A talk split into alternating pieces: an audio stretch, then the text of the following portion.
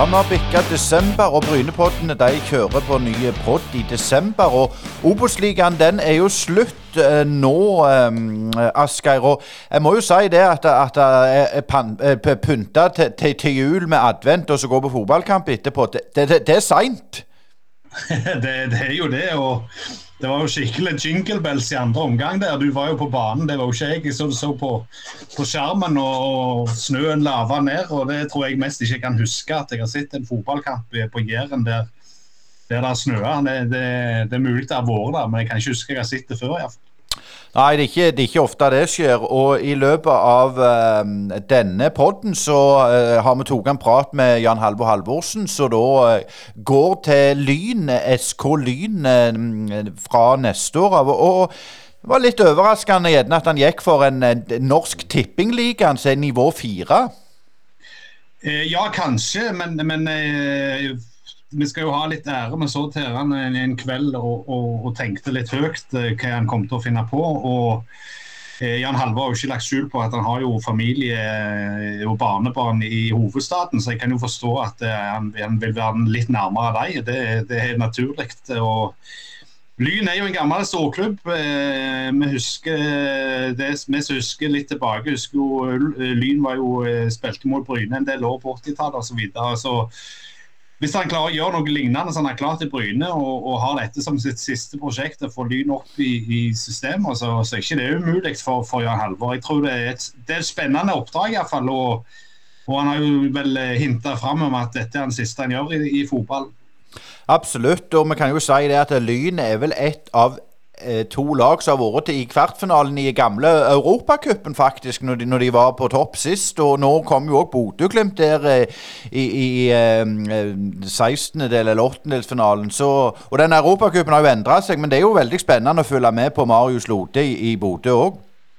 Helt klart, og, og Bodø-Glimt har jo hatt en, en vanvittig sesong etter de mista mye av skytset framover på banen. og allikevel ser ut til å vinne serien i Tippeligaen ganske greit, og, og slo jo Roma, selvfølgelig. Eh, samtidig så, så som du sier med Lyn, de, de, spilte jo i sin tid mot Barcelona og røyk mot dem og måtte spille begge kampene på bortebane nettopp fordi at det var så seint på året og det ikke var forhold i Norge. Det var ikke mye kunstgras og undervarme på den tida. Men eh, vi skal iallfall snakke litt med, med, det. Og så har vi jo òg selvfølgelig Even med oss og høre litt med han òg, Øystein. Ja, han går jo til FK Haugesund, blir araber, og han forteller jo forhåpentligvis litt om, om den prosessen. Og jeg tenker etter vi har prata med disse, så får meg og deg ta en liten oppsummering av Obos-ligaen, for nå er jo den ferdig. Men jeg tror rett og slett vi overlater ordet til Jan Halvor og Even. Hei, det er Hanna Kvarneland fra privatmegleren Jæren. Er du på boligjakt, eller vurderer du å selge boligen din? Vi i Privatmegleren Jæren er ekte lokalmeglere med spesielt god kompetanse og et godt fotfeste om boligmarkedet her på Jæren.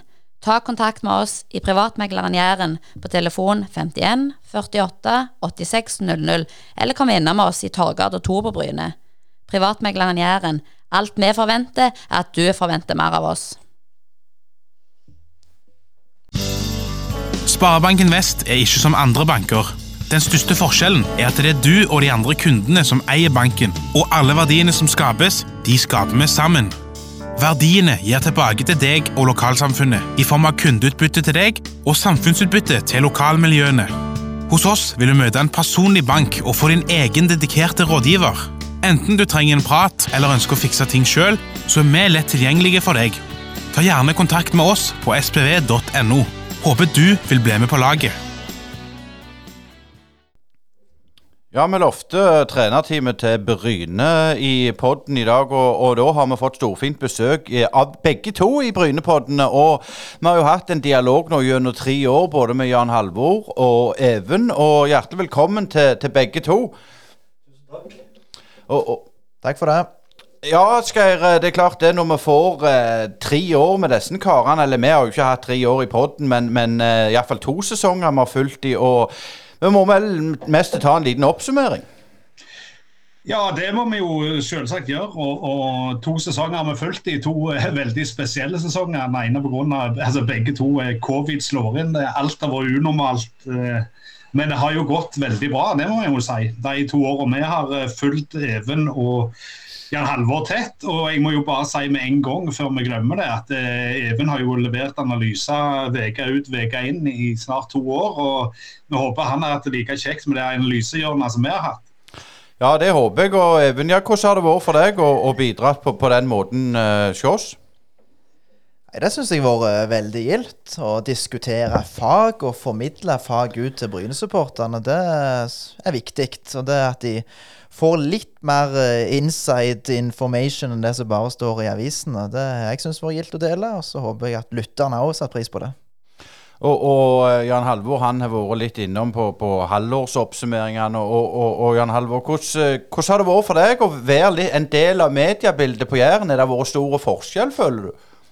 Nei, ikke noen store forskjeller. Jeg syns denne poden deres har vært veldig positiv. Så jeg syns det har vært eh, veldig kjekt å kunne komme innom av og til og prate litt om ståa, om det som har vært og det som skulle skje litt framover. Så det har vært veldig positivt. Men nå sitter vi jo her på, på tampen av sesongen og, og holdt på å si ute regner det. Iallfall ikke dere. Ikke så gale her nede som jeg bor. Men eh, hvis en nå eh, ser litt kort eh, tilbake, altså eh, sikre plassen to runder før serieslutt og, og, liksom hadde det i boks, og så kan en slippe seg litt løs på slutten av sesongen. altså Var det veldig greit å få dette i boks før å slippe at, å tenke at den siste kampen mot Strømmen skulle bli avgjort? Ja, det er alltid kjekt å få, få ting i orden før siste kamp. så selv om vi hadde jo en god følelse at vi kom til å klare det ganske greit. Eh, når vi hadde 31 poeng, så følte vi jo vel at kanskje det også kom til å holde. og nå eh, fikk vi jo den eh, seieren mot Jerv som gjorde at vi fikk 34 og sikra plassen to runder før slutt. Så, så, veldig fornøyd med det. Så det er klart, nå går vi for seier i siste også, så vi havner på 40 når vi gir oss. Det hadde vært veldig bra. Eh, Even, du har jo eh, vært med i, i mange år nå. Men, men altså, kan du si litt tilbake, hvis vi trekker oss tilbake fra, fra starten til sesongen, altså i vinter, oppkjøring og alt det der. Dere går inn med en tropp som er relativt lik den som, som relativt greit suste gjennom PostNord i fjor. og et par nye inn. Det er vel Meinert som har vært mest på banen av de som kom inn. Men eh, kan du si litt om tankene før sesongen kontra sånn det endte opp? Altså, Hvilke målsetninger hadde dere når dere begynte? og er, dere, er du fornøyd med sånn det har utvikla seg, eller er det noe som du vil sette fingeren på som du har lært gjennom sesongen? Det som Jan Halvor sier, så er vi veldig fornøyde med at vi når målsettingen målsetningen vår om å holde plassen to runder før slutt. Og nå har vi klart målsetningen til laget to år på rad. og Det er ikke verst i Bryne fotballklubb. Det tror jeg nesten aldri har skjedd før, at vi når en målsetning to år på rad. Og det er jo veldig gledelig. Som du sier, så hadde vi samme stammen, så å si samme stallen som rykte opp i 2020. Og det var jo bevisst, det. Det var en gjeng som hadde tro på, en gjeng som dro i samme retning.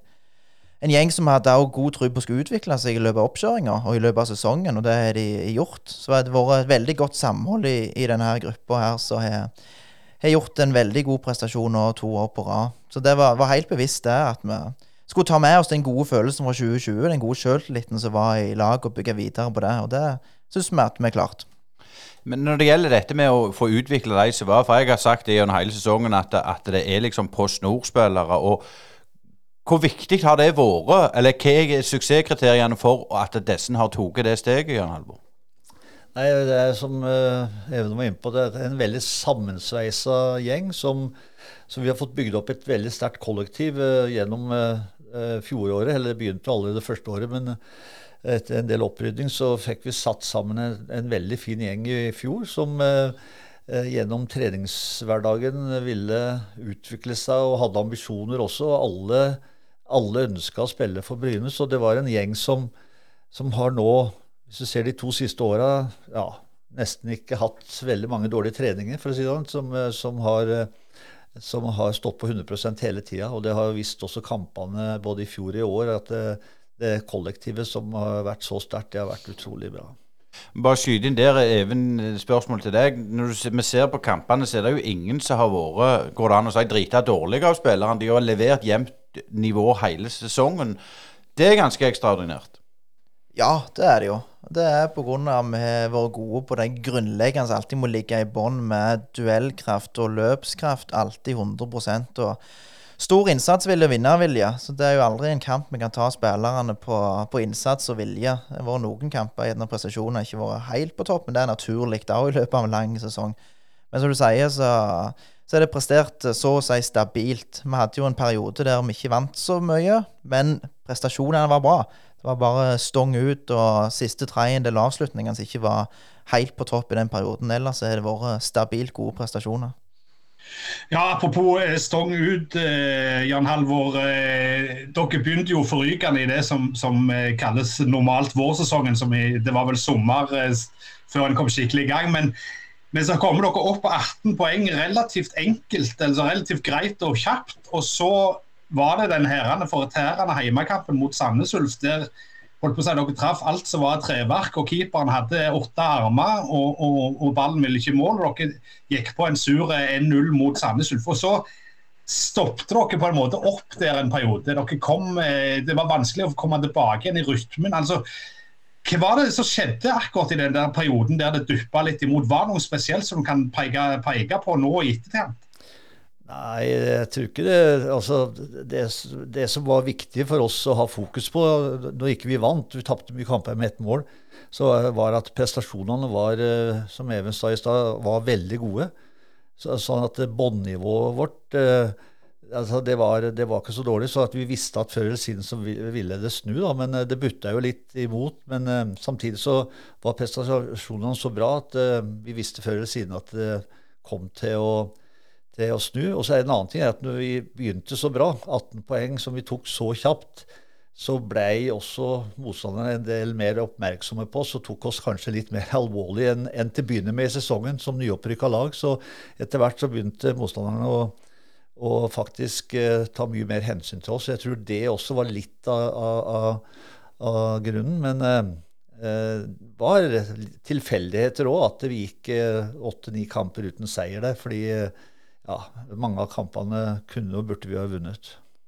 Jeg har lyst til å gå, gå mest sagt de tre årene tilbake igjen, når eh, Jan Halvor du kom inn i, i gruppa og, og, du skal samarbeide med Even, så, så du sikkert visste om, men ikke kjente. Eh, hvordan er mekanismen når du på en måte går inn i ei gruppe? Du, du, overtar jo ei gruppe. Du ser jo ganske tidlig at det, her må vi gjøre et eller annet. Men, men hvordan er det du, hvilken mekanisme setter du i, i sving? Nei, det, det handler jo litt om eh, Du tar jo over en tropp, da. Og den troppen eh, som var, eh, så var det, kan du si, en del ting vi ikke kunne gjøre første året. Og derfor så var jo også målsettinga som ble sagt i januar, at vi kom antageligvis ikke til å kjempe om noe opprykk første året. Det sa vi jo andre året at vi kom til å gjøre. Og så er det små marginer om du klarer å rykke opp eller ikke, selvfølgelig, men det klarte vi jo bra. Eh, og så var målsettinga at vi skulle berge da eh, første året nå. Så, så alle de tinga som vi, vi sa, eh, gikk jo i oppfyllelse, så det er jo kjempebra. Men kan du si Det som er viktig, er jo dette her med en, et tankesett. At man tenker likt. sånn at når jeg kom ned hit, så merka jeg fort at Even var på den samme bølgelengde i forhold til tankesett og hvordan vi skal spille. Og det er viktig. Og så er jo det å formidle det ut til spillergruppa. Eh, noe lå jo der bra fra før av, og så var det selvfølgelig med mye, så mye bytter første året. Vi var vel åtte-ni mann som ble bytta ut. Eh, og det som var litt negativt første året, at vi hadde for mange som, som var for mye skada hele tida. Altså, det var ikke noen kontinuitet i i spillestallen i forhold til at uh, vi måtte ofte skifte mye på laget pga. Uh, skader og småskavanker. Så det vi fikk bygd opp det andre året, så var det både at alle tålte treningene, og vi har hatt de to siste åra veldig lite skade, hvis du ser bort fra sånne vanlige kampskader. da. Even, jeg har lyst til å spørre deg litt eh, i samme gate. Altså, du eh, har jo vært i Bryne i mange år i ulike oppgaver, fra spiller til, til trener av, av ungdomsavdelinger opp til A-lagsassistent og, og caretaker, som det heter på fint. Eh, men, men, for deg, når Jan Halvor kom inn, så er jo han den første treneren som du har jobba i lag med, som har mange års erfaring på, på høyt nivå, eh, både i utland og innland som spiller og, og som trener. Altså, hva var forskjellen på Jan Halvor sin måte å jobbe på og de andre du har jobbet under? Ja, som du sier, jeg kommer med mye erfaring, eh, og det har vært viktig. Jeg har opplevd mye, både ting som har gått bra, og gjerne noe som ikke har gått like bra, men helst har det gått bra, og tatt med seg det. Og så har det vært veldig klart og tydelig, og det tror jeg har vært viktig for spillergruppa òg, med måten vi skal spille på. At det har vært klart og tydelig, og da har vi ja, så som så første år, om det var mye pga. at vi ikke hadde de rollespillerne som passet helt inn. Og så har vi fått satt laget mer og mer etter hvert. Så da sitter den 4-3-3-en veldig bra. Så der har det vært eh, klart og tydelig. Og så har jeg jo lært mye av eh, Jan Halvor på flere områder. Det er at uh, takle medgang, og ikke ta av da, men ha fokus på det vi skal ha fokus på. Og ikke grave oss ned i de periodene det har gått litt dårlig. Og jobbe på å ha tro på det vi holder på med for å komme sterkt tilbake igjen. Så det har jeg lært mye av. Så har han vært flink til å trykke på de rette knappene både inn mot grupper og inn mot enkeltspillere for å få det beste ut av lag og enkeltspillere. Så det har vært veldig fin og lærerik periode, det. da. Eh, vi vet jo òg det at, at, når du Even var det første året, så, så klart det kommer Jan Halvor inn med pondus og, og med den merittlista. For å bruke sånn som de sier på studene, stamtavla. men, men, det er klart det var nok ikke bare Eller jeg vil tro at det var nok ikke bare enkelt for deg heller å få en Altså, Hvordan var det? Var, var det? var det litt sånn tøft det første året? For jeg føler jo at dere har på en måte vokst litt mer i sammen. Ja, det har vi jo. Men det har vi alt, at ting tar gjerne litt tid for å få det beste ut av hverandre og få satt relasjonene skikkelig. Og det var litt det første året der at Jan Halvor måtte bli kjent med meg, bli kjent med klubben, jeg måtte bli kjent med han. Og etter hvert så har vi funnet hverandre veldig godt og utfølger hverandre på en god måte. Så det er jo med alt det at når vi skal få et godt samspill, så er det ikke gjort over, over natta, det. Hva, er dine tanker rundt dette, Jan Halvor?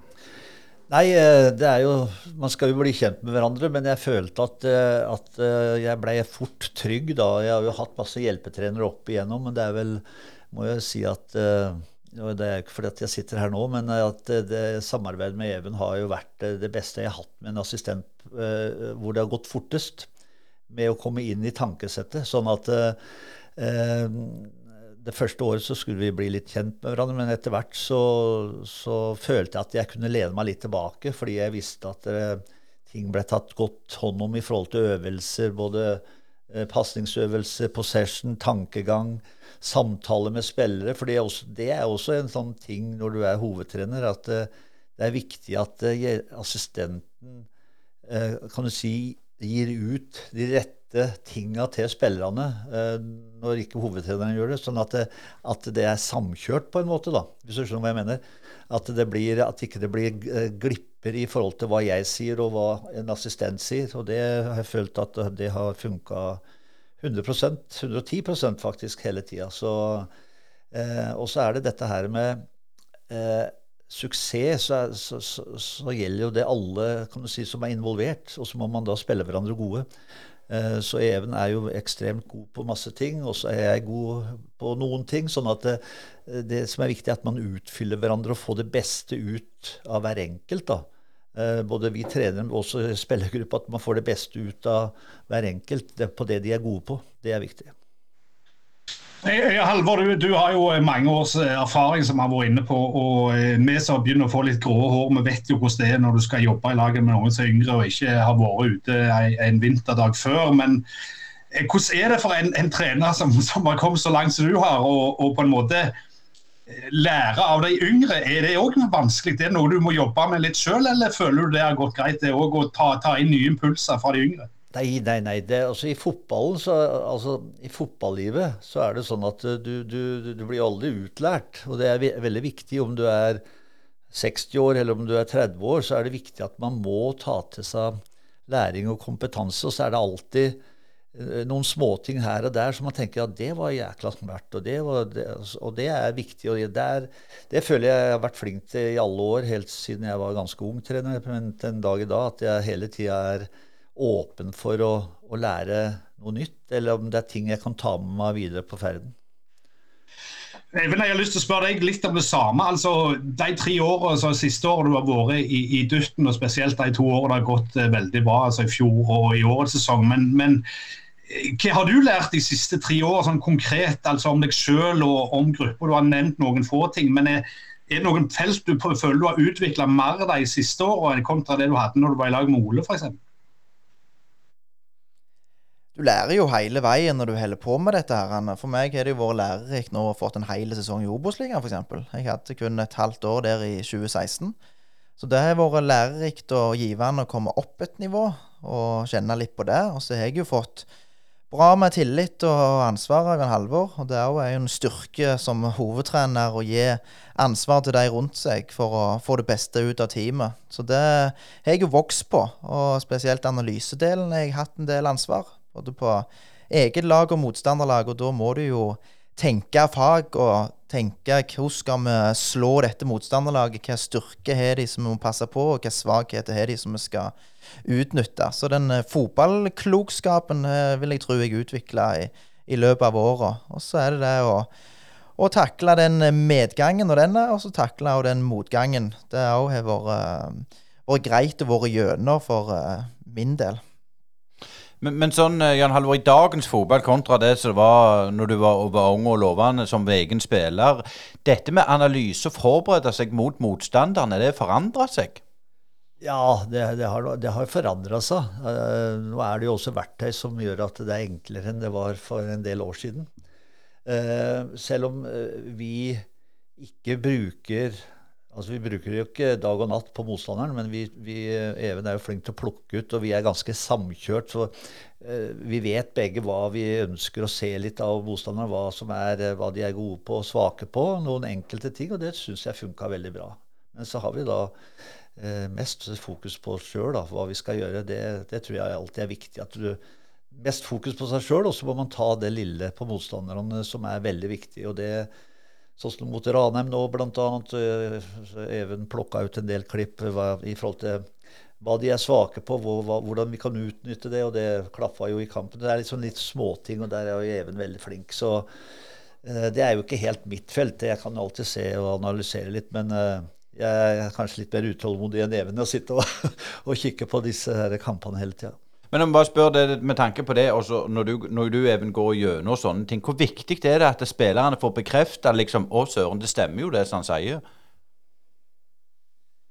Ja, det er jo Det er jo viktig, det. At uh, de ser at uh, vi finner noen ting som vi kan utnytte til motstanderlaget. Sånn, Ranheim så er det ikke hemmelig at vi ønsker å komme inn litt bak de. At er litt temposvake og litt rufsete i posisjonering og i bakre fire. At vi ønsker å straffe de der, og at det var rom på sidene som vi kunne utnytte, og det klarte vi å utnytte på en god måte i den kampen der. Så det er sånne småting hele veien. Om eh, bekken ligger litt for høyt eller litt for bredt, og så kan vi utnytte det rommet der. Så det er jo alltid kjekt for, for oss trenere òg, hvis vi klarer å se noe analytiske ting på motstanderlaget som vi klarer å utnytte. Men det sier Halvor sier, som alltid har hatt mest fokus på oss sjøl, men da er det jo òg å forsterke de gode sidene hos oss at vi se her, gutter, her kan vi utnytte gode, gode kontringer hos oss hvis vi er aggressive og kompakte og vinner ball, så er det mulighet til å kontre her. Her er det mulig å slå inn bak bekken, som får satt opp de raske kantene våre, f.eks. Men Even, tilbake, Du har jo sett eh, de fleste motstanderne et eh, par-tre ganger og kanskje mer. og Du slipper å sitte med noen treige VHS-kassetter som sikkert Halvor er vant med. Men eh, eh, det jeg tenker på, det er de lagene du har sett eh, i år og analysert. Eh, du har jo HamKam som har på en måte hatt en kjempesesong. Ålesund som var tippa der oppe fra starten. Kunne fort blitt en seier til Bryne i aller første kamp mot deg. men når du har sett de lagene som ligger i toppen, eh, er du overrasket at det er de som er i toppen? og er du òg overrasket at Obos er så forferdelig jevnt som det er? Altså det, det, Der skiller jo holdt på å si fem-seks poeng fra, fra, fra, kvalik til kvalik. Ikke overraska, men uh, gjerne i forkant har sagt at HamKam skulle være så suverene som de har vært, så er de litt overraska. Men når du sitter i en del i år, så har de vært uh, solide defensivt. Og så er de vel uh, HamKam er ganske lågt nede på lista, og der er vi òg over antall pasninger. Så det viser det at du trenger ikke ha ballen 70 av tida for å skape mye sjanser og skåre mål. Så HamKam har vært ganske like som oss, syns jeg, i, i spillestilen. At vi ønsker at det går fort framover når det er mulig, og straffe motstanderlaget når de er i ubalanse. Og så er det, du sier, det har vært tett og jevnt, og det er jo det vi har merka kanskje det i perioden når vi tapte en del kamper med ett mål. og Da var det en enkeltspiller i et av motstanderlaget som gjorde vi tapte. Vi snakket om det med Egan Halvor, at vi har jo sluppet inn en del sånne årets målskåringer. Motstanderlaget. Nikolai Solberg med et brassespark. Mats Lillebo med et skikkelig langskudd mot Stjørdals, eller for Stjørdalsblink. Ismail på Fredrikstad, så curler han i lengste. Adams på Sogndal, så curler han fra distanse. Så vi har hatt sånne, sånne, mål imot som er vanskelig å forsvare seg mot. Og det er jo pga. gode enkeltspillere som motstanderlaget, så vipper de jevne kampene den ene veien. Men, men, på eget lag, da, er det noen du har sett som du har liksom angra på at dere skulle gjort noe med tidligere? En gang til, Asker. På, på, eget lag, på Bryne, er det, noen ting du har sett nå mot slutten av sesongen du tenker åh, det skulle jeg kommet på før? Der kunne vi gjort noe som kanskje hadde ført til tre-fire poeng tidligere? Nei, det er det egentlig ikke. Vi vært ganske bevisste hele på veien på hva som er våre styrker, og prøvd å, utnytte dem best mulig. Og Det har vi vært gode på i år òg, som vi var gode på i fjor. Med, med kontringsspillet vårt bra, vi har vært gode etter vi mistet ballen, gjenvinning og omstillinger vært nokså solide defensivt, og så har vi også klart å skape en del offensivt. Så det, det er det ikke. Så er jo spillere som har utvikla seg i løpet av sesongen òg, og vi har jo utvikla spill òg etter hvert. Og det er sånn som kommer naturlig det, etter hvert. Eh, du var inne på det, Jan Halvor, at den første sesongen så var det spillere som var litt for mye på, på fysioterapibenken enn, enn ute på banen. Og der har dere, eller Gjorde dere noen konkrete grep der innad i, i, i laget med å styrke det medisinske, f.eks.? Nei, ikke styrka det, men uh, det var mer også at den spillergruppa vi, vi har hatt nå de to siste åra, er kan du si, en spillergruppe som ja, har også en alder som er kan du si, lavere. det er klart at Første året så hadde vi en del spillere som uh, holdt på lenge og pina kroppen lenge og tålte ikke så mye, kanskje. Men uh, den spillergruppa vi har hatt de to siste åra, uh, ja, har tålt å trene hardt hele tida og med intensitet hele tida. Og så har, tror jeg vi har vært ganske flinke til å kan du si, styre eh, intensitetsnivå gjennom uka. Som vi, vi, vi, vi hele tida har hatt toppene, men så har vi hatt den rolige dagen innimellom som gjør at eh, vi har klart å balansere mengden, sånn at vi har unngått mye eh, skader. Eh, vi skal ikke dvele alt om, om, om denne sesongen, men, men, det går litt på det med tanke på du har jo 22 mann, alle er individualister. Hvor, hvor jeg kan spørre deg, Even. Hva er det som er styrkene til, til, til, Jan Halvor når det gjelder coaching sånn eh, mann to mann? Det er jo Spilleren har jo ulike behov. Noen eh, trenger gjerne et ekstra klapp og to på skulderen og trenger å høre de gode, positive ordene, mens andre trenger gjerne å få litt grann, uh, klar og tydelig beskjed. Og det å, å kjenne spillerne sånn og vite hvem som trenger hva for å få det beste ut av hver enkelt, der har han vært uh, god. Og så er det jo òg viktigheten, og det er jo Jan Halvor påpekt mange ganger, viktigheten av at eh, alle bidrar med et lag med stor L her. At ikke bare de elleve til enhver tid som spiller, som er viktige, men at alle kan bidra på hver sin måte, om du er på banen eller på benken. Og så må alle være klar når de kommer inn og først får muligheten. Og det har jo vist nå i Spesielt de to siste årene at den bredden har vært bra. Har vi hatt spillere ute, så har det kommet inn nye folk og, og prestert godt. Så det, det, er jo godt å se det samholdet det som har vært. At uh, spillerne unner hverandre godt, unner hverandre suksess. Og det er jo ja, selvfølgelig spilleren sin fortjeneste, men så har gjerne Jan Halvor og, og, resten av teamet jobba godt for å få det gode samholdet der. Hva, hva tenker du, Jan Halvor, Even sine styrker? Nå tenker jeg mann til mann. Nei, altså, Veldig flink til å følge opp uh, enkeltspillere. både med Han er jo han er jo veldig opptatt av dette med, med, analyse og er veldig flink på det. Og så kan du si han tar, jobber, jobber mye ekstra uh, når spillere spør.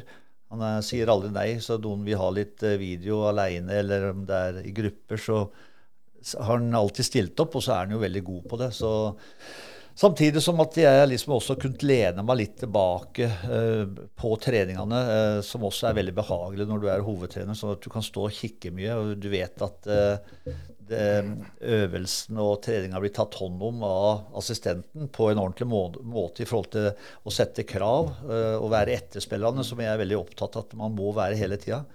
Så der har han vært veldig flink. Så jeg, jeg har liksom kunnet lene meg litt tilbake og stå å tenke og, og, se, uten at jeg trengte å bekymre meg for at uh, han uh, er til spillerne og passer på at alle, alle er på 100 da. Jeg ser jo du er gammel fotballspiller, for du spenner litt i mikrofonen der, Jan Halvor. Det må du prøve å unngå. Men, uh, men med tanke på, på, på Waldorf-salat, liker du det? Waldorf? Ja. ja. Det er jo det beste man kan ha til kalkun. Nei, for uh, Tønes han uh, skulle jeg hilse så mye til fra begge to. Det er en lokal uh, visesanger, og nå skal vi rett og slett få høre en sang om han. Bare bli sittende, dere, så skal dere få høre en fin sang av Tønes.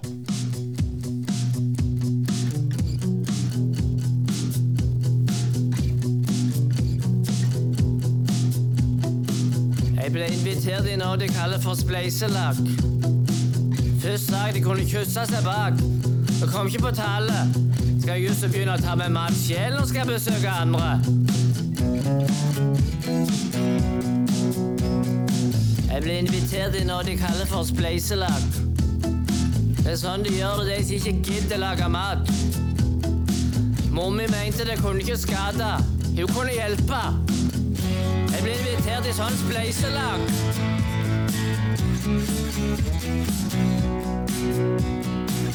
Mor mi lagde ei svær skål med waldorfsalat. Skikkelig god waldorfsalat. Ah, ikke sånn torr med altfor lite fløte og majones. Altfor mye valnøtter, så du blir sittende og knorpe. Det er mange som ikke kan lage waldorfsalat, men så lager de likevel. Det Magnus ikke kan lage waldorfsalat, men så lager det likevel.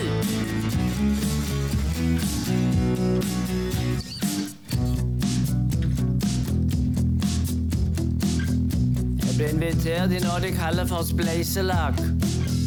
Vi er ikke vant med det i min familie. Der vi vant med at de skal opp når folk kommer. Er ikke jeg, da, men mor mi.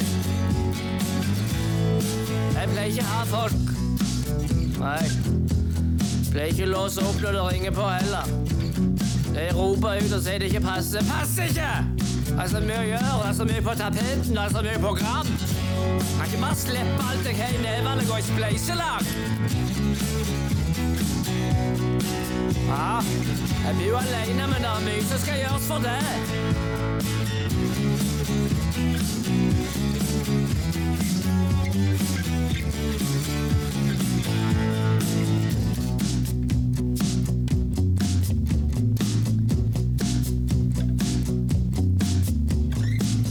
Så viste det seg det det ikke bare var et sånt spleiselag. Det var noe de kalte for bli kjent-kveld. Det var ulovlig å sitte med noen du kjente fra før av. Bli kjent i ræva. Jeg er ikke interessert i å bli kjent med flere. Jeg ble sittende med en fra Nazira. Han snakket hull i hodet på alle rundt bordet. I tillegg ble jeg plassert med en waldorfsalat noen andre hadde lagd. Jeg ble plassert med en waldorfsalat noen andre hadde lagd. Kjente hva det vokste i munnen. Det er det jækligste jeg har smakt. Spotta det ut i neven, da så jeg hva det var. Svære druer med steiner i og gammel stangselleri. Det er mange som ikke kan lage waldorfsalat, men så lager likevel. Det er mange som ikke kan lage waldorfsalat, men så lager de likevel.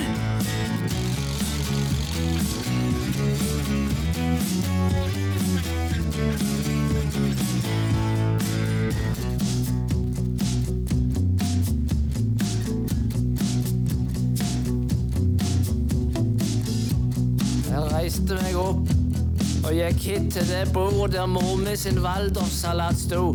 Så sa jeg det rett til dem. Den er det satt!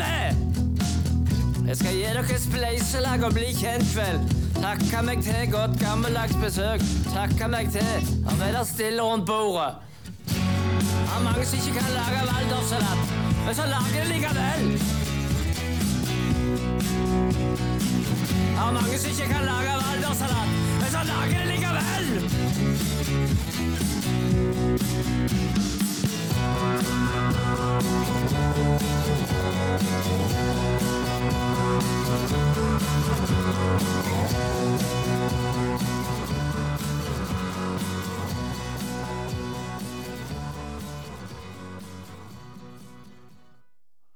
Ja, det var Tønes eh, ifra Sokndal sin eh, Waldorf-salat. Og det er en stor fan av Bryne. Han eh, går på alle kampene, og vi må jo selvfølgelig, Asker, eh, skryte av musikken hans. Tønes er et geni. Uh, geni eller ei, uh, vi må videre. Og hvis vi tenker litt uh, videre for, for, for deg, Even, så, så blir det Haugesund. Ja, det blir det. Eh, Fortell litt om hvordan prosessen var der, og litt om valget du tok. Eh, ja eh, Hvor skal vi begynne hen? Jeg fikk en del spennende henvendelser, så det var jo kjekt, det. Å være eh, ja, interessante for klubber. Så jeg måtte gå noen runder med meg sjøl, finne ut hva jeg ville, hva jeg hadde lyst til. Jeg hadde lyst til å være i toppfotballen, det var viktig for meg. Eh, hele veien sagt at jeg må ikke på død og liv være noen hovedtrener. Det viktigste er at jeg får en jobb i, i toppfotballen der jeg får brukt meg sjøl på en god måte, så jeg er ikke så nøye med, med tittel. Så, så det var et mål for meg. Og da kom Haugesund på banen. Hadde noen andre tilbud også jeg vurderte litt, men jeg fikk tidlig en god følelse på FKH. Følte meg ønska der. At de ville bruke mine kvaliteter på en, eh, på en god måte og jobbe i et godt team der. Så det um, Ja. FKH ville ha meg, og jeg hadde lyst til å gå der, så da gikk det eller- egentlig ganske fort etter at jeg kom på banen.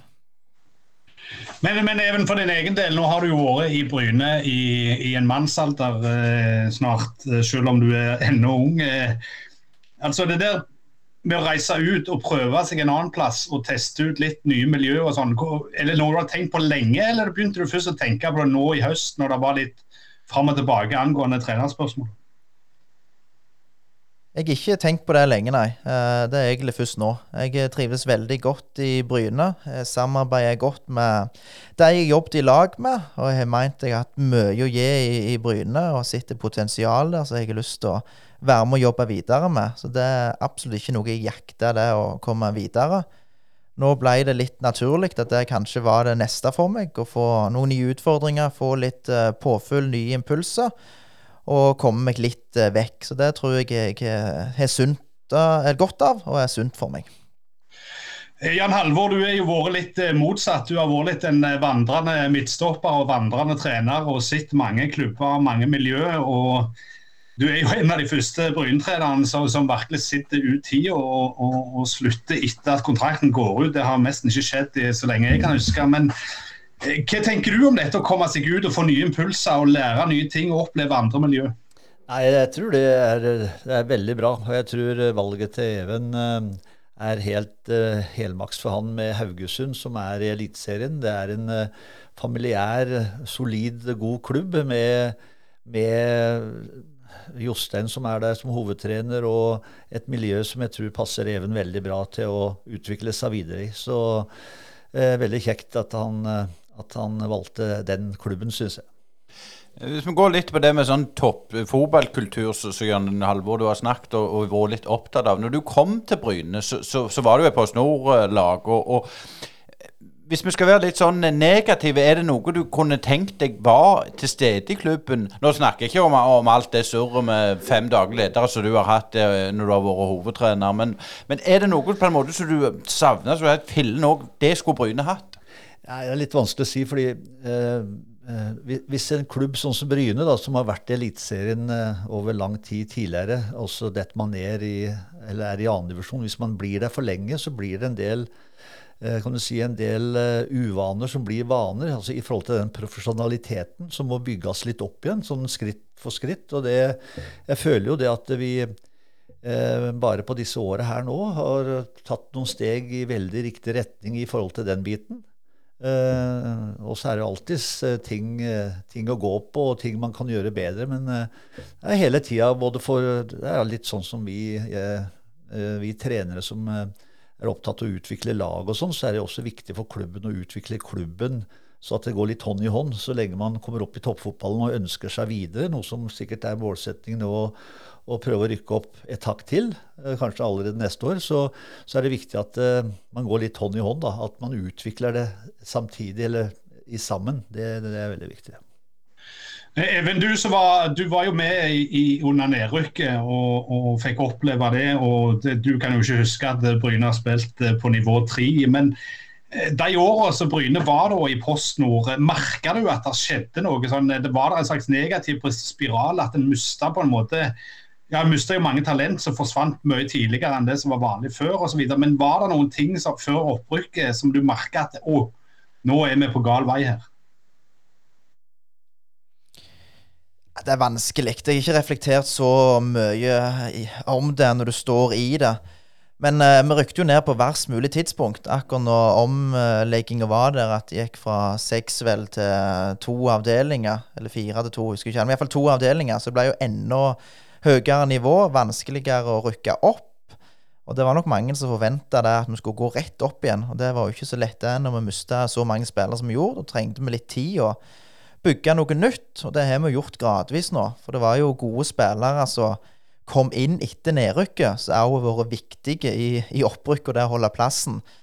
Ja, Igor kom inn i, før 2018, vel. Bjarne kom inn, Rogvi kom inn, Pål Aamodt kom tilbake igjen. Robert har vært hele veien. Så det er våre spillere som har vært med på, på hele denne veien fra ja, et nedrykk da, også til å komme tilbake igjen. Men det er jo ikke tvil på hvor viktig det var at vi fikk det opprykket der. For for mange år i andredivisjon da blir det ikke lettere å komme tilbake igjen, og det er heller ikke bra for økonomien. Så det var veldig viktig for klubben å komme tilbake igjen, og selvfølgelig at vi holdt plassen i år. For da er det strålende utgangspunkt og mye å bygge videre på. Jan Halvor, du som har noen år i gamet. Altså, hvor, hvor, fort går det at en klubb i hermetegn blir vant med å være på et sånn eh, postnordnivå? Altså, en vet jo det selv at hvis en spiller mot folk som er angitt bedre enn seg selv, så hever en seg alltid og prøver å yte maks. Men hvis en spiller om folk som er på samme nivå eller dårligere, så, så vil en etterpå etterpå tid senke seg ned på, på det, det, nivået deres. Det, det, er vel sånn i alle spill. men er det noe der som gjør at det er en slags sånn Når begynner eh, varsellampene å blinke når en har vært i en divisjon nede? Altså Jeg husker det fra Bryne rykte ned til, til, til Obos i sin tid. Så, så, gikk det jo noen år der de var på kvalikplass nesten hver sesong, og så plutselig var de nede på 20., 8., 9. osv. Ja, nei, det er eh, Vi var inne på det i stad. Eh, hvis man er for lenge på, på det nivået og, og har ønsker om å komme høyere opp altså Noen lag er jo på et nivå de er eh, fornøyd med, mens Bryne er en klubb som selvfølgelig skal være med i toppfotballen. Dvs. Si de to øverste divisjonene. Sånn at eh, det er klart, blir man for lenge uh, i den divisjonen som man da blir på tredje nivå, så blir det bare vanskeligere vanskeligere å kunne klare å komme opp. Og samtidig så blir det også dette med, med talentutvikling også vanskeligere, fordi da går de beste, da går de enten Sandnes Ulf, som har vært i Obos, eller til Viking. Eh, mens nå, når man har kommet opp på samme nivå som Sandnes Ulf, så vil det bli enklere for Bryne igjen å, å få disse her eh, beste lokale spillerne til å komme til seg igjen. Så, så det er mange, mange, fordeler, men eh, samtidig så er det, som vi var inne på, at man må ikke være for lenge på et for lavt nivå. fordi da, da blir det bare vanskeligere vanskeligere å komme seg opp igjen. Eh, Even, når du gikk det, eller det gikk, når du ble bestemte deg for FK Haugesund Hvis det er liksom én ting du skal si du følte at nå går jeg et steg opp, nå er det Eliteserien, selvfølgelig anlegg, eh, alt dette, men, men, men, hvis du tenker på det medmenneskelige og, og de mjuke verdiene, de, den kulturen, hva var det som trigga deg mest? Med Haugesund, tenker du da? Ja. Eh, det var litt siden Halvor sa med den eh, folkelige klubb. Jeg kjente meg litt igjen og følte litt sånn som Bryne. Med den jordnærhet og hardt arbeid som ligger i bånn. FKH har jo selvfølgelig mye mer ressurser og dette herrene. men det er ikke flust med penger der heller, så det må være gode på det som er litt gratis, da, litt billig, til å være gode på det. Så det trigget meg eh, veldig med, med, å komme der. Og at de ønsket meg så sterkt og hadde tro på meg på at jeg kunne gjøre en god jobb der. Og så er det jo òg eh, Selvfølgelig sportslig er òg viktig, jeg må jo nevne det, med ei spennende spillergruppe, ei ung spillergruppe der det er mye potensial, der jeg skal komme inn og, og prøve å bidra til å utvikle enkeltspillere og lag.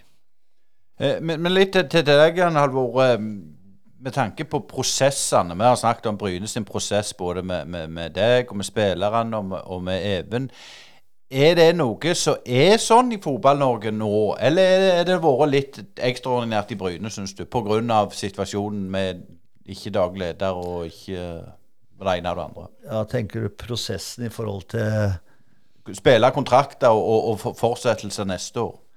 Ja, nei, det er jo Det har jo, har jo ikke vært lett, som sagt. så I og med at det har vært fem daglige ledere på, på de åra jeg har vært her, så, og mye utskiftninger på, på det området, så så mm, har det jo selvfølgelig ligget og flytet litt. Så, men eh, det får vi håpe blir, eh, blir eh, mye bedre neste år.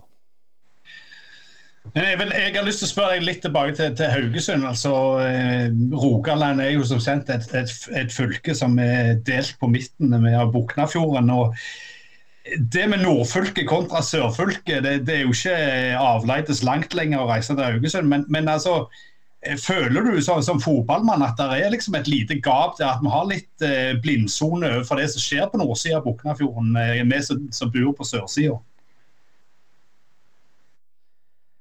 Det syns jeg var et litt vanskelig spørsmål nå å svare på. For nå kjenner jeg ikke så godt til det som skjer på andre sida av fjorden ennå. Selvfølgelig kjenner jeg godt til FKH, men ikke så mye mer enn det. Men det er jo imponerende det FKH har fått til med at de har vært så stabile og drevet så godt i så mange år. Nå var det vel 2010 de rykket opp, eller 2009 de rykket opp til Eliteserien i våre der siden si det. Så det er jo imponerende.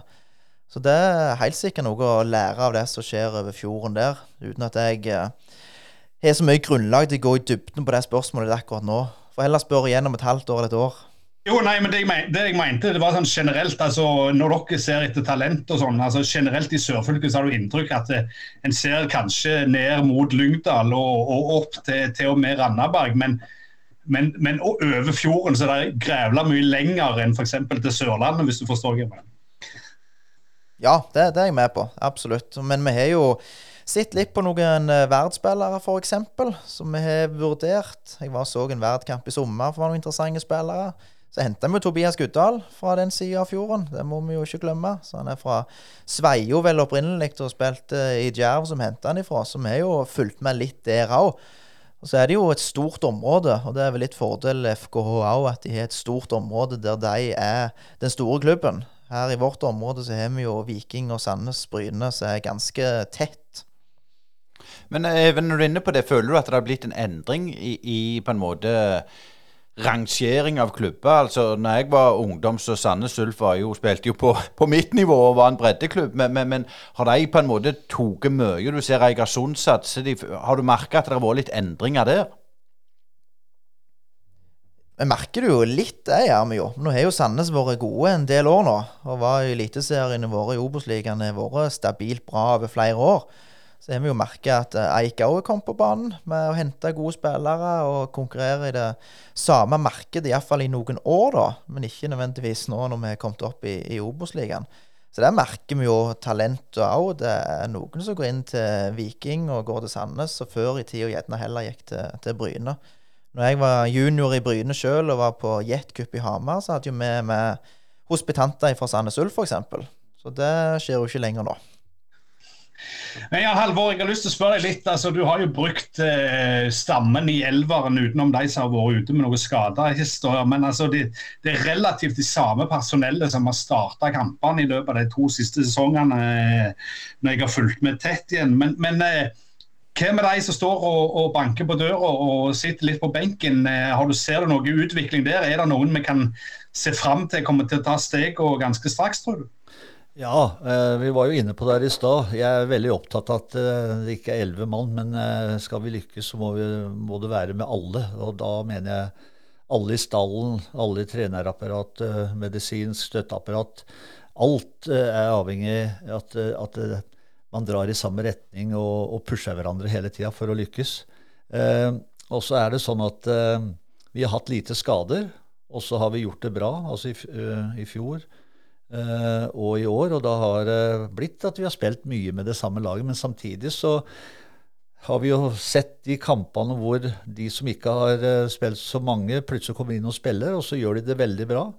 Og det også er en form for utvikling. Det å også lære seg til at eh, et lag består av elleve mann. Og da eh, må man også i forhold til den utviklinga lære seg til at av og til så må man sitte noen kamper på benken, og da er det liksom én ting som, eh, som eh, nytter, og det er bare å jobbe enda hardere for å komme inn på laget. Sånn at, og der har vi fått Der har vi vært eh, Jeg syns spillergruppa har vært helt fantastisk. Eh, eh, Når jeg ga beskjed om at jeg skulle slutte, så kom det en spiller til meg på kontoret som eh, ikke har spilt så mye, og syntes det var veldig leit at jeg ikke skulle fortsette. Og det tyder på at vi har gjort noe riktig alle sammen. At, eh, at vi er en sammensveisa gruppe som virkelig har jobba hardt for å lykkes i sammen. Og det er ikke det at noen har mer eh, ære for det enn andre, eh, men det er det kollektivet som, eh, som har vært det ekstremt godt. Men et, et oppfølgingsspørsmål der. Er der, altså det at det ikke var en rekruttliga i fjor f.eks., og i år kom det hei, i gang først i, sent i august, har du, har du merka noen forskjell etter det to-laget begynte å spille igjen? Ja, altså vi hadde jo en periode hvor de yngste da, eh, fikk veldig lite kamptrening. Eh, Nå hadde vi jo i vinter veldig mange internkamper, heldigvis. eh, eh, av at vi kom seint i gang med treningskampene. Sånn at, eh, men det er klart, når ikke de hadde, eh, hadde seriekamper på andrelaget, så, så ble de lidende. Eh, Så, så sånn sett er det veldig bra nå at eh, de får spilt fjerdedivisjonskamper og får spilt 90 minutter. Eh, kamper, det er veldig viktig. Eh, Over til deg, Even. Eh, Det er klart Ja, nå skal jeg ikke si alle spillerne, men de fleste spillerne, Jan Halvor, pekte på deg når, ny hovedtrener skulle, skulle ansettes i Bryne. Det ble ikke sånn. Du valgte FK Haugesund, men, men sånn er det, er det vi, jeg vil ikke bruke ordet bitter, for det, det blir litt, men jeg har ikke noe bedre. Men, men hvordan var den prosessen for deg? Var det vanskelig, eller tenkte du nei, OK, vi, vi har ikke brent noen bruer, og jeg går til Haugesund, og, og vi er gode venner? Eller, eller var det et slag i trynet?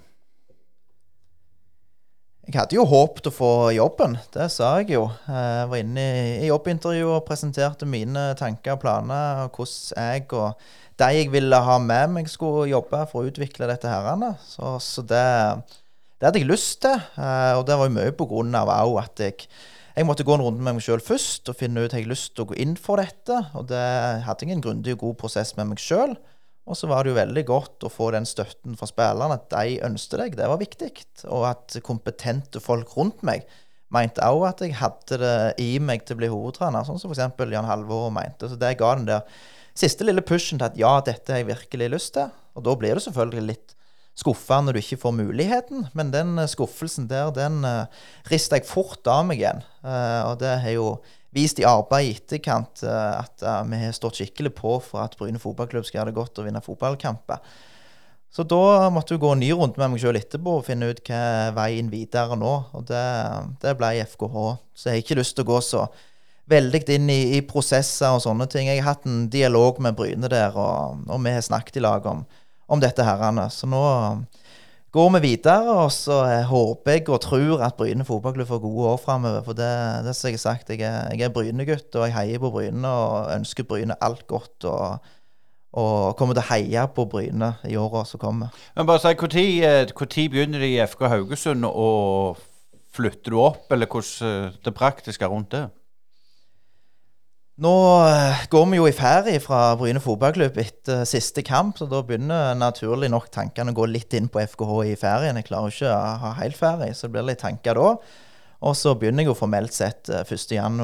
neste år. Så da begynner oppkjøringa 17.1, og så må jeg opp eh, litt før å komme i gang og planlegge. Eh, flytte opp sjøl først, men pendle litt hjem til Bryne. Eh, Marie, samboer, og Selma, datter, kommer litt opp, og så kommer de opp fast fra sommeren av, eh, er planen. Så vi flytter til Haugesund. Så det blir, eh, blir kjekt. Nå har jeg jo bodd på Bryne hele livet, så jeg er sikkert godt av å prøve en annen by òg. Ja, like opp til Haugesund. Men, men Even, sånn, sånn rent, rent eh, personlig, altså, er det liksom den tøffeste perioden du har hatt? Akkurat den perioden, eh, perioden rundt, eh, rundt eh, trenerspørsmålet. Altså, nå tenker jeg ikke på sånn personlige ting, men altså i treneryrket.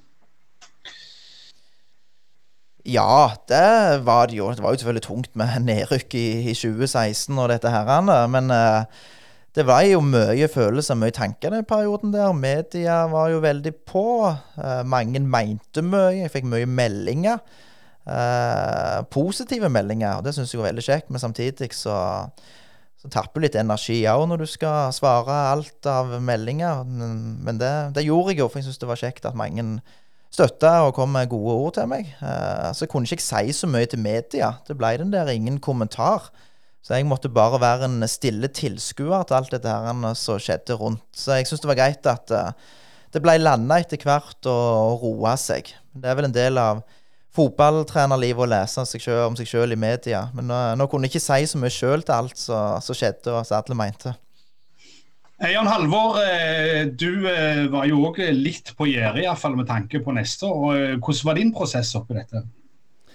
Nei, jeg skulle jo være her i tre år. Jeg tok jobben, så skulle vi jo prøve å rykke opp til Obos i løpet av de tre åra. Så det klarte vi jo i fjor. Så at jeg, jeg hadde bestemt meg ganske for lenge siden at eh, det skulle være dit, disse tre åra. Eh, så for meg var ikke det så veldig vanskelig. Nå, nå har vi jo snakket med, med Even, og han er klarlagt eh, neste stoppested. Og eh, når du har eh, sagt ut at nå, nå blir dette min siste sesong i Bryne eh, Jeg vet det har vært en del beilere, men, men er det noe konkret der som du kan fortelle om?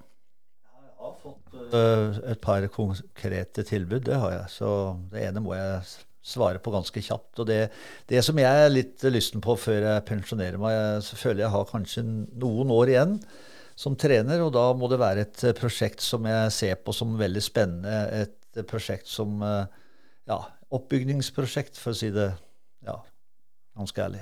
Da må vi jo prøve å fiske litt. Men, men, da, men da tenker du at, at, at du skal være der over lang tid og bygge et prosjekt. Snakker vi da eh, Norge eller utland, eller er Norge, ja. Ja.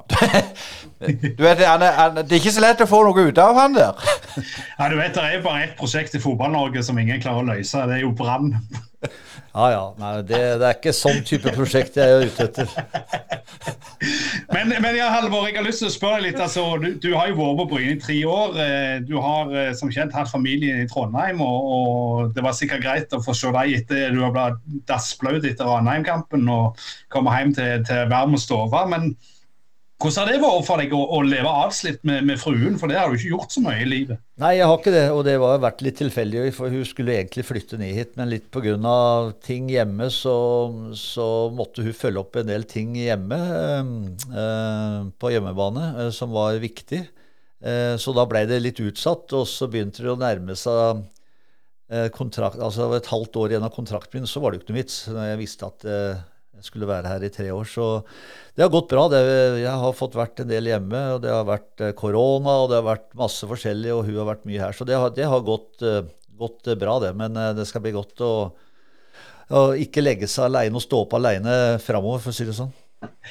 Men, men jeg ser du har jo et langt liv i, i fotballverden, og jeg, jeg tenker liksom det som topptrener, for du er jo, du er jo topptrener. og er det en tid der en topptrener sier at nå gidder jeg ikke lenger? Eller hva er det som holder liksom deg i gang? og Du sier du skal ryke på et nytt prosjekt. Det, det er jo ikke gitt det at du, du, du orker det, men, men du hø- høres ut som du har given og gutsen. Hva er det som, som driver deg? Nei, jeg vet ikke helt. Eh, eh, Det er noe med energien, tror jeg. Så lenge jeg eh, har, føler jeg har energi med det jeg holder på med, og med de folka jeg jobber med, er veldig viktig. At man gir hverandre energi hele tida. Og så er det jo fotballivet sånn at det går eh, litt opp og litt ned. Nå har det jo gått stort sett bare opp her nede i Bryne. Sånn at eh, det har vært eh, vært veldig moro. og Samtidig så, så føler jeg liksom at jeg klarer å holde engasjementet oppe. og når du blir eldre, så er du avhengig av at du har gode medarbeidere. altså Even har jo som vi var inne på tidligere, i forhold til at jeg kan stå og se mye på treninga, at han har hatt mye ansvar i forhold til å lede en del av treningene, som gjør også at man klarer å lade opp, og så har den energien eh, kan du si, opp imot eh, kampdag, og, og bruke det på helheten. Det, det, er veldig viktig. Så, men jeg føler liksom at eh, jeg er jo kanskje ikke helt sånn normal. Jeg, jeg, jeg har jo litt ADHD. Jeg er jo litt sånn høyt og lavt innimellom. men jeg håper jeg holder tre-fire år til. men, men, men, nå har jo jeg vært rundt og, og sett dere i Jerv, på Kristiansand og Åsane. og eh, Alle sier jo at du er sånn Mr. Nice Guy innen fotballverden, og du er jo den eldste treneren i toppfotballen til ser han vekk fra Åge Hareide i, i, Rosenborg, men han gir seg nå. Men den posisjonen du har opparbeidet deg, jeg skulle til å si, er den fortjent? For på fotballbanen så var det jo ikke noe Mr. Nice Guy. Nei, men det var jo alltid Jeg var litt to forskjellige personer da, på banen utafor. Så nei, jeg, jeg, føler jeg er den samme som jeg alltid har vært. Heldigvis. Jeg verker mer eller mindre. Så jeg er egentlig bare meg sjøl. Ja, for, for, det var litt sånn oppfølging til neste spørsmål. Du er jo egentlig Jeg sa det litt sånn flåsete, en enkel kar fra, fra Telemark. For, for, det er klart, du, du er ikke ute i media og smeller og skjeller så du gjerne kunne gjort det med situasjonen som har vært på Jæren. Eh, mye tull og vas. Men du har holdt det inni deg og, og bygd gruppa tettere pga. det, sikkert. Men tror du du tjener på det, eller, eller alle Kåre Ingebrigtsen, som eh, han skal vi prøve å få i tale i poden her, så skyter fra hofta? Nei, jeg, jeg, jeg, har vært i veldig mye klubber eh, som spiller og trener, og jeg har egentlig et godt forhold til alle. Og det lever jeg veldig godt med. Jeg er ikke avhengig av ja, jeg kunne sikkert sagt mye eh, enkelte plasser jeg har vært, men eh, jeg har valgt å ikke gjøre det fordi eh, jeg tror du tjener på det i lengda. For i fotballivet så treffer man alltid folk igjen. Så ja. Jeg har ikke noe uoppgjort med noen, egentlig, så det er jeg fornøyd med.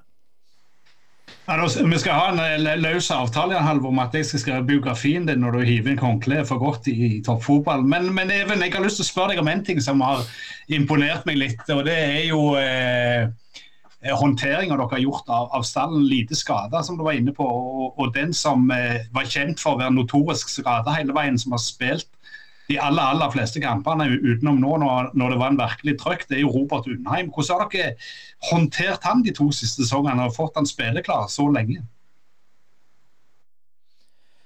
Ja, det er jo veldig gledelig at han spiller så mye og vært så frisk og rask som han har vært. Det var nok òg en av grunnene til at vi ikke leverte helt som vi hadde håpet kanskje i 2017, og 2018 og 2019 om vi skadet Så det har selvfølgelig òg hjulpet på at han har vært frisk.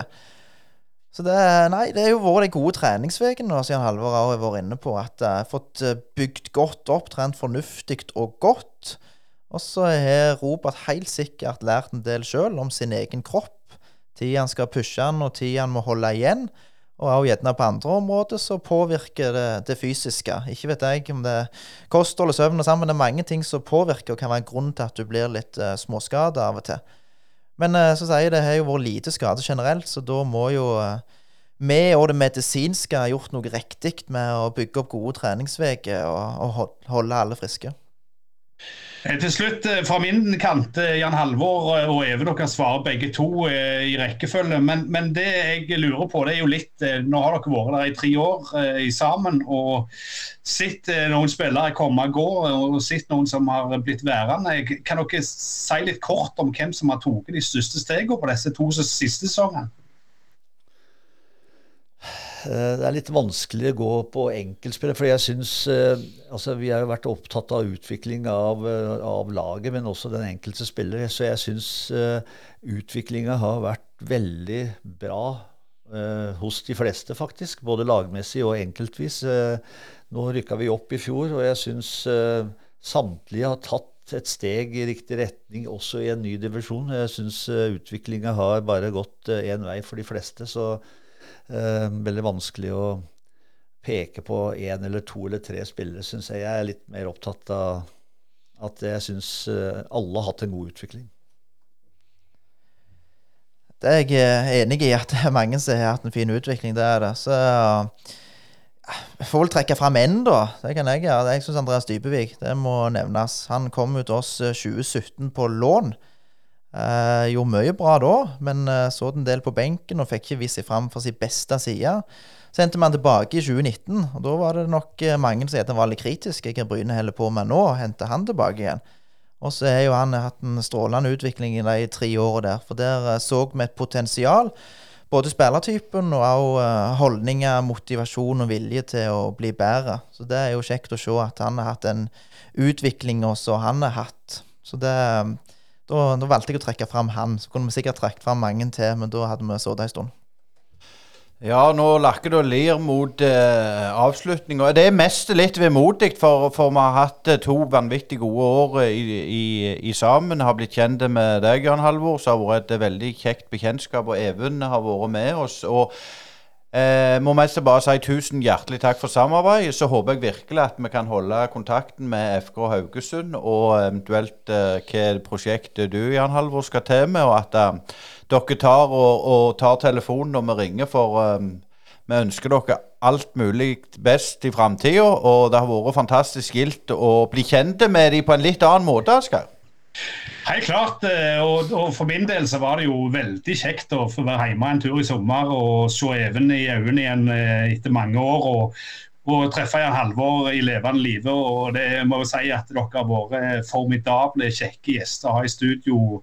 Even oftere enn Jan Halvor, men det har alltid vært gildt. og i min hverdag i bunkersen i Galilea så har dette vært et lite lys i covid-åra, så hjertelig takk til begge to. Så har jeg lyst til helt til, til slutt uh, også fortelle en historie. Jan Halvor, du fortalte meg Vi hadde en lunsj for noen uker siden der du takla uh, Fjørtoft. Jeg syns den er en, en veldig verdig avslutning. Kan du, kan du ta den? og den som sto i boka hans? Ja, ja. Nei, det var vel Det var vel 87. Det var semifinalen i, i, i cupen. Det var det året vi møtte Bryne i finalen. Så vi møtte HamKam hjemme i semifinalen. Og da jobba Davy Vatne i eh, Bergens Tidende. Og du vet, Davy han pleide alltid å fyre opp ganske bra. Så da var det sånn svær overskrift dagen før kamp at uh, Fjørtoft uttalte at jeg var den enkleste han spilte mot. Så på kvelden så ringte Jan Åge og sa han, Jan Halvor, hør her, jeg har aldri sagt det. Det er Davy som har fucka opp stemningen.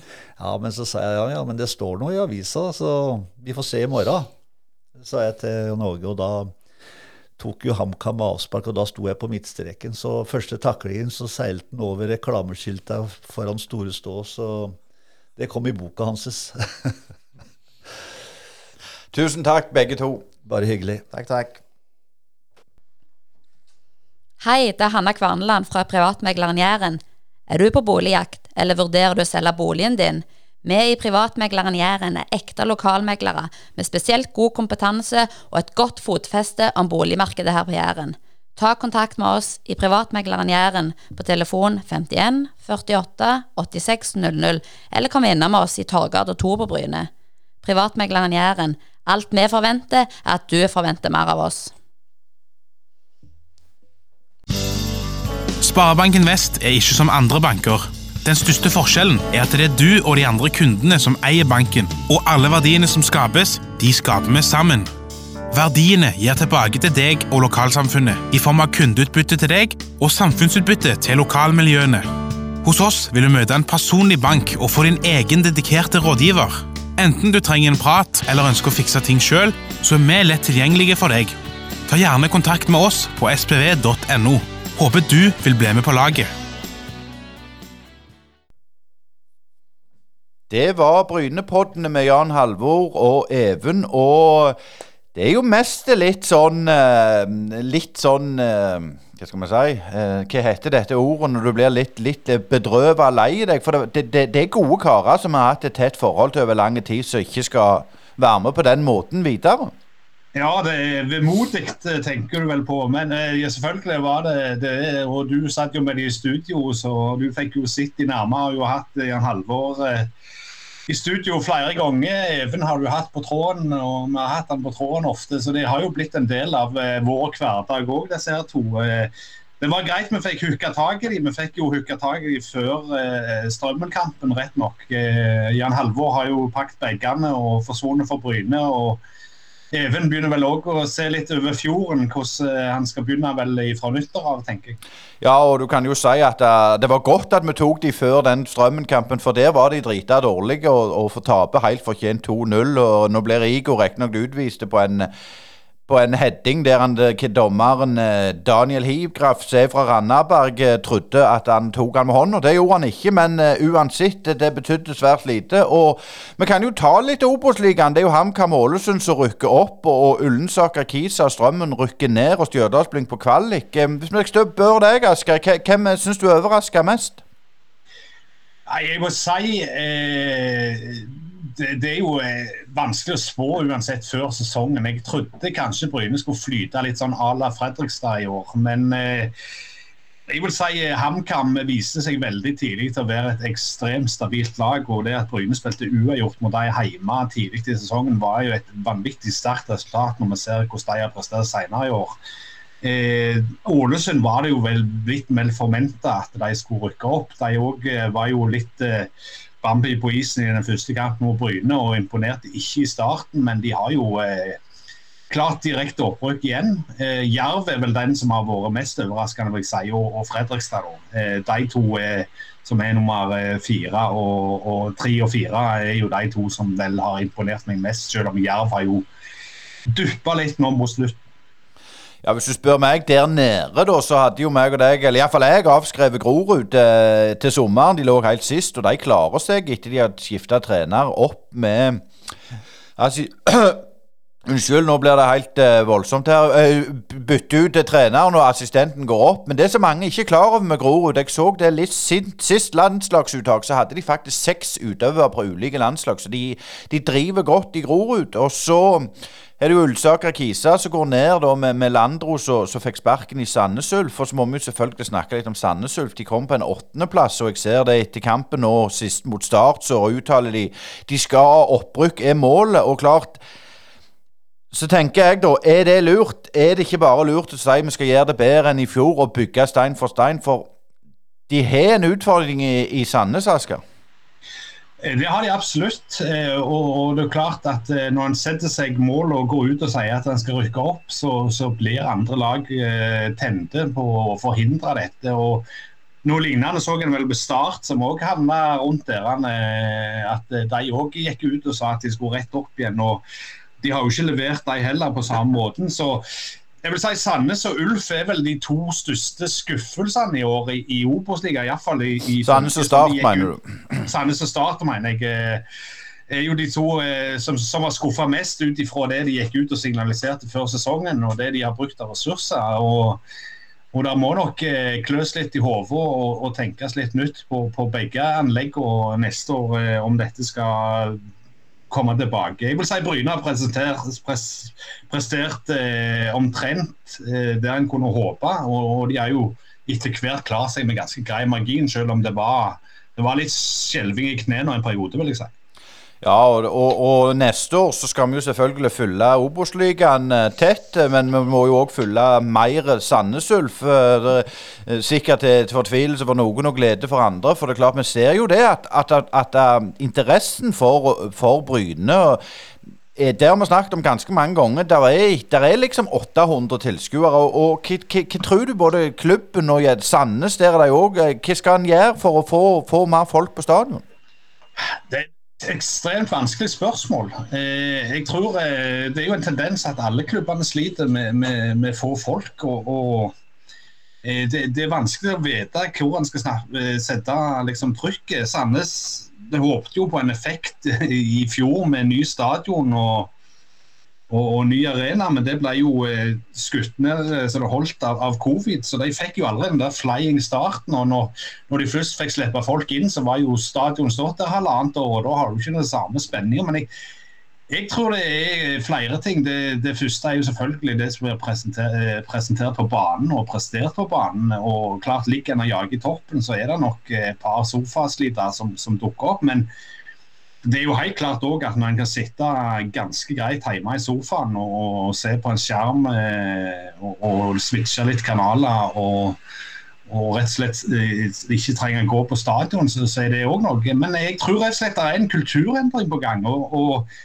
og Det ser en jo òg med de som går på kampene. altså selv om Jeg kjenner selv spillere som spiller i ungdomsavdelingen på Ulf, som, som, ikke på en måte føler det naturlig å gå på kampene. og Det tror jeg en ser litt på Bryne òg. Eh, du, du, ser at det er mange av de yngre som en så før, som rekte rundt og samlet flasker, som en ikke ser lenger på stadion.